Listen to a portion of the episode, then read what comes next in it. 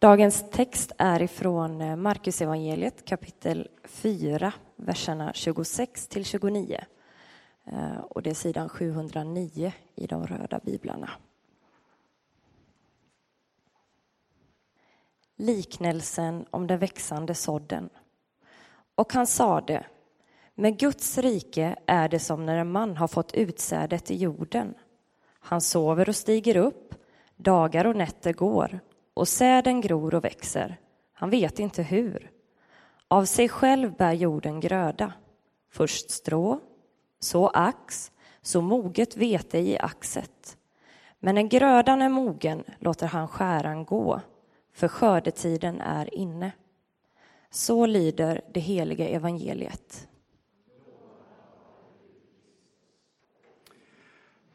För några veckor sedan så såg jag genom spårvagnsfönstret en läcker eh, cabriolet parkerad på Östra Hamngatan. Ja, den var verkligen läcker. På nummerplåten så stod det med stora bokstäver på skärmen nedanför, på, på skärmen så stod det Life is. Eh, och jag läste Life is innan jag hann och se och innan spårvagnen svängde av så hann jag att se att det faktiskt på plåten nedanför, skär, plåt, eh, på, eh, nedanför nummerplåten på skärmen så stod det Now med stora bokstäver. Så vad som stod där var Life is now. Livet är nu. Den flotta bilen signalerade kanske som ett slags försvar, att det finns bara ett liv och det gäller att utnyttja det till bristningsgränsen. Till bristningsgränsen nu. Sen är det för sent. Och min upprördhet över de första, den första tolkningen, Life IS, Eh, gick över i någon slags existentiell kris inom mig. Om det är sant att livet i själva verket är meningslöst så gäller det ju att pressa ut så mycket man kan ur det. Eller, som göteborgare brukar säga. Temat för dagens eh, texter är frälsningen. I dagligt tal så använder vi inte ordet frälsning längre. Kanske därför att eh, frälsning och frälst fått en sån världsfrånvänd och eh, sekteristisk klang. Förresten, hörde ni att Lotta använde ordet frälst? Hon blev frälst 1970, sa hon. Och vem vill egentligen utmärka sig som världsfrånvänd och annorlunda? Man kan faktiskt fråga sig idag hur man känner igen en kristen. I varje fall är det inte genom att man säger jag är frälst eller bekänner sig till frälsning eller tror på frälsning. Och det är nog så till och med att sekulariseringens krafter har så till den milda grad trängt tillbaka tron till en undanskymd privat sfär att många av oss inte ens i denna sfär tänker oss som frälsta. Det svenska ordet frälsning, vet ni var det kommer ifrån? Jo, det är en sammandragning av ett mycket gammalt fornnordiskt ord som, betyder, som heter frihalsning. Som i fornsvenskan användes om en slavs befrielse från sitt halsjärn som han inte kunde befria sig från. Och egentligen är det alltså ett jättepositivt ord. Att vara frihalsad är att vara befriad. Frihalsning är befrielse. Och när de första missionärerna kom till eh, Norden omkring 1000 före Kristus så kom just ordet frihalsning, eller frälsning som vi nu säger, användas just som bild på vad kristendomen handlar om. Det handlar om frälsning, om befrielse. I Bibeln så används ordet frälsning eller räddning eller befrielse både i Gamla testamentet och i Nya testamentet om friheten som Gud ger. Först och främst om det israelitiska folkets befrielse från förtrycket i Egypten. Uttåget ur Egypten, Exodus, var den stora befrielsen som Gud genomförde med det israelitiska folket och man kan aldrig glömma det. Salm efter salm i Saltaren och många, många andra texter återvänder ständigt till befrielsen, till frälsningen, till frihalsningen. Gud frälste sitt folk från förtryck till frihet och välstånd. Men situationen förändrades. Israels folk blev åter ett förtryckt folk och faktiskt förtryckt av det ena imperiet efter det andra i många hundra år. Och under den tiden så fick profeterna uppdrag att förutsäga och utlova en ny befrielse, att Gud ännu en gång skulle genomföra en befrielse, ett nytt exodus, frälsning för sitt folk. Och den längtan var enormt stark på Jesu tid. Och det var i den förväntan och längtan som drömmen om Guds rike levde och som Jesus kom att predika om. Och det är till denna brinnande längtan efter Guds rike eller frälsning som Jesus riktar sin lilla liknelse idag om den självväxande säden. Omkring Jesus haglade frågorna vad ska vi göra för att Guds rike ska komma? Vad ska vi göra för att frälsningen når oss? Och man gav olika svar. Och några sa, om hela folket en enda dag håller hela lagen så kommer Guds rike. Andra frågade sig, ska vi inte ta till vapen och göra uppror mot de senaste förtryckarna, romarna och hjälpa Guds rike på traven. Och det var faktiskt det man gjorde kring år 70 när Jerusalem gick under. Eller ska vi helt enkelt ge upp? Ska vi sluta vänta? Och Jesus svarade med den här liknelsen. Det är med Guds rike med frälsningen som med bonden. Han sår och sen förstår han sig inte på hur det blir skörd. Han bara väntar. Han bara får vänta. Han kan inget göra. Av sig självt, står det faktiskt, eller till och med i den grekiska texten autonomiskt automatiskt.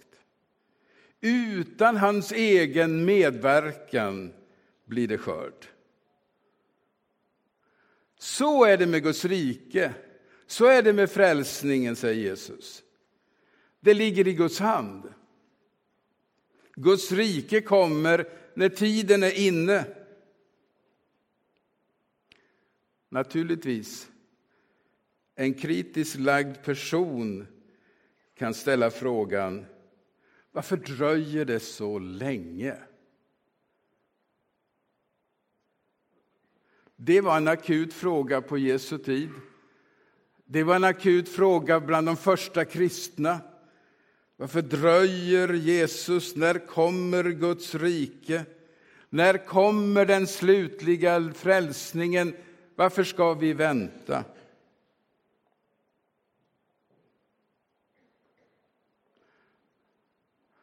Jag har inget enkelt svar på det.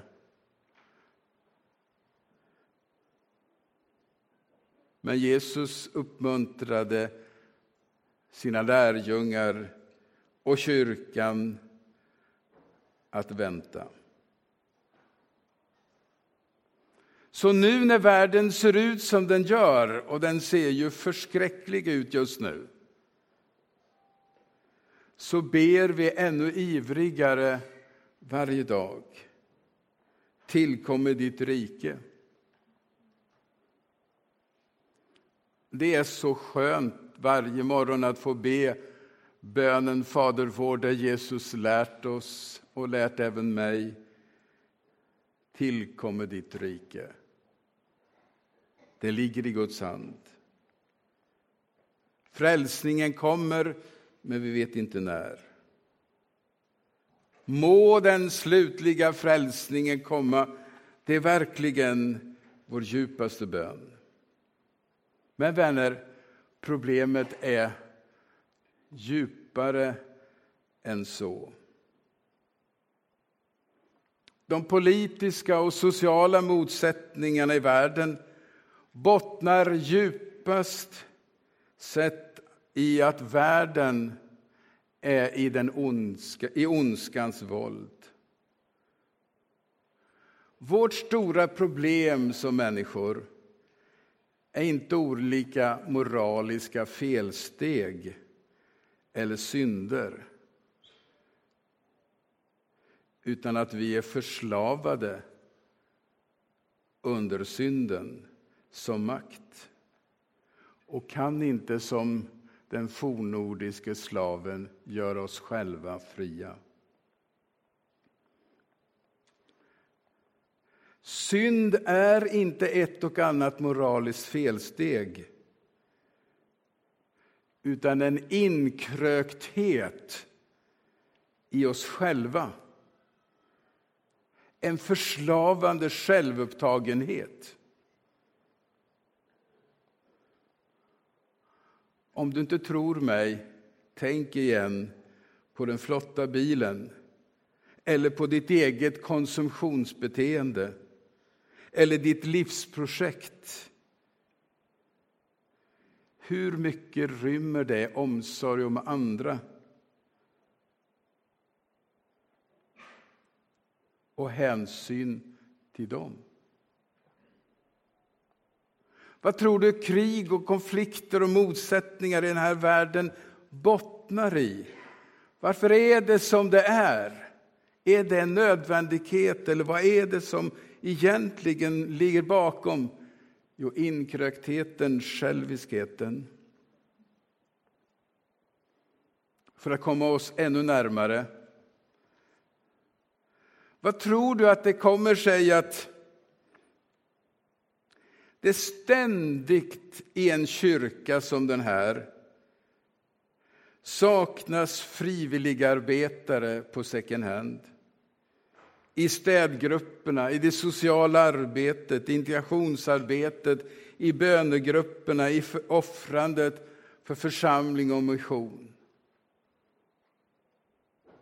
Hur kommer det sig att väldigt många inte gör något annat än konsumerar religion utan ansvar när det behagar? Sitter sig igenom gudstjänster men inte mer. Det beror på inkröktheten i oss själva. Och är vi fångade av föreställningen att livet är här och nu och vi måste pressa ur den sista droppen ur livet är fångenskapen ännu större. I en sån värld finns det knappast något utrymme för någon annan än en själv. Och det är till och med så att andra människor riskerar att bli konsumtionsvaror.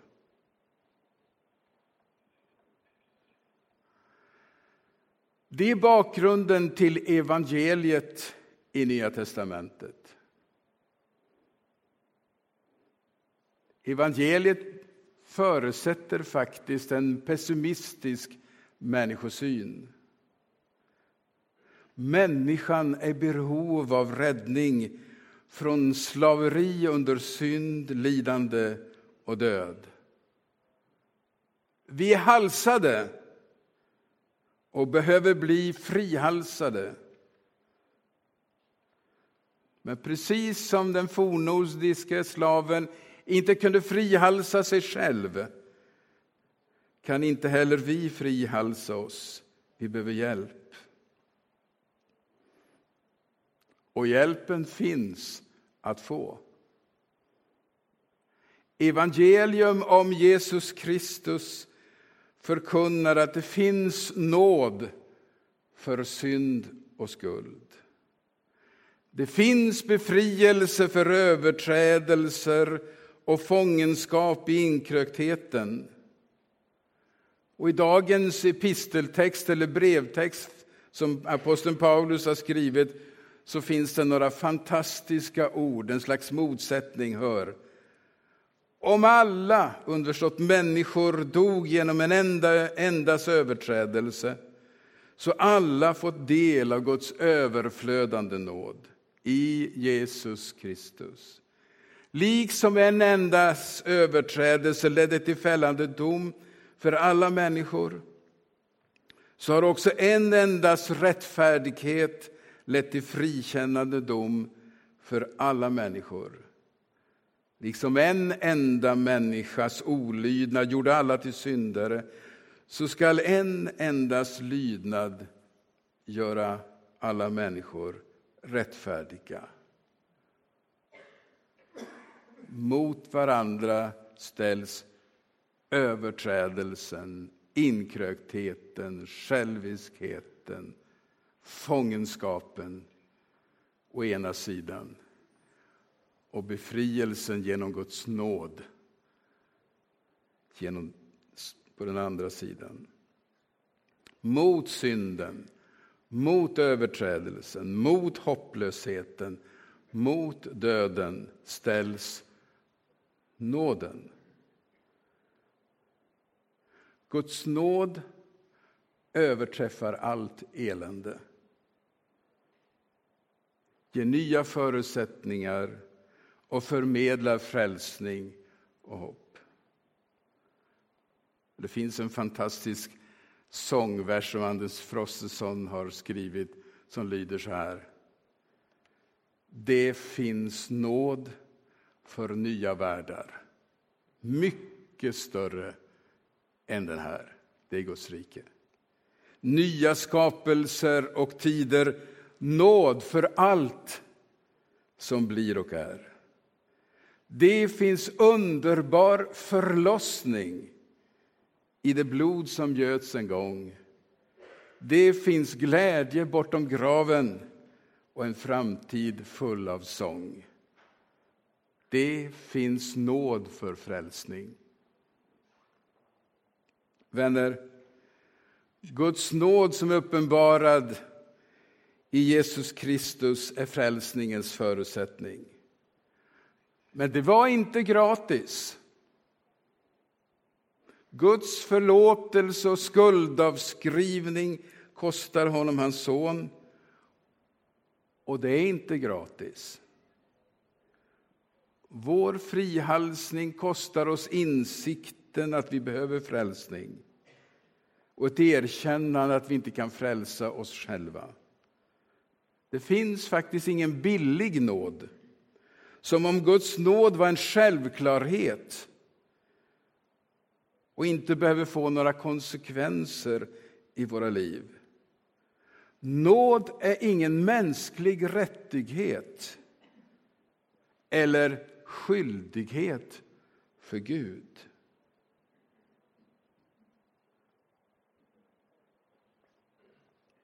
Bara den som är villig att benåda sin nästa har förstått innebörden i Guds nåd.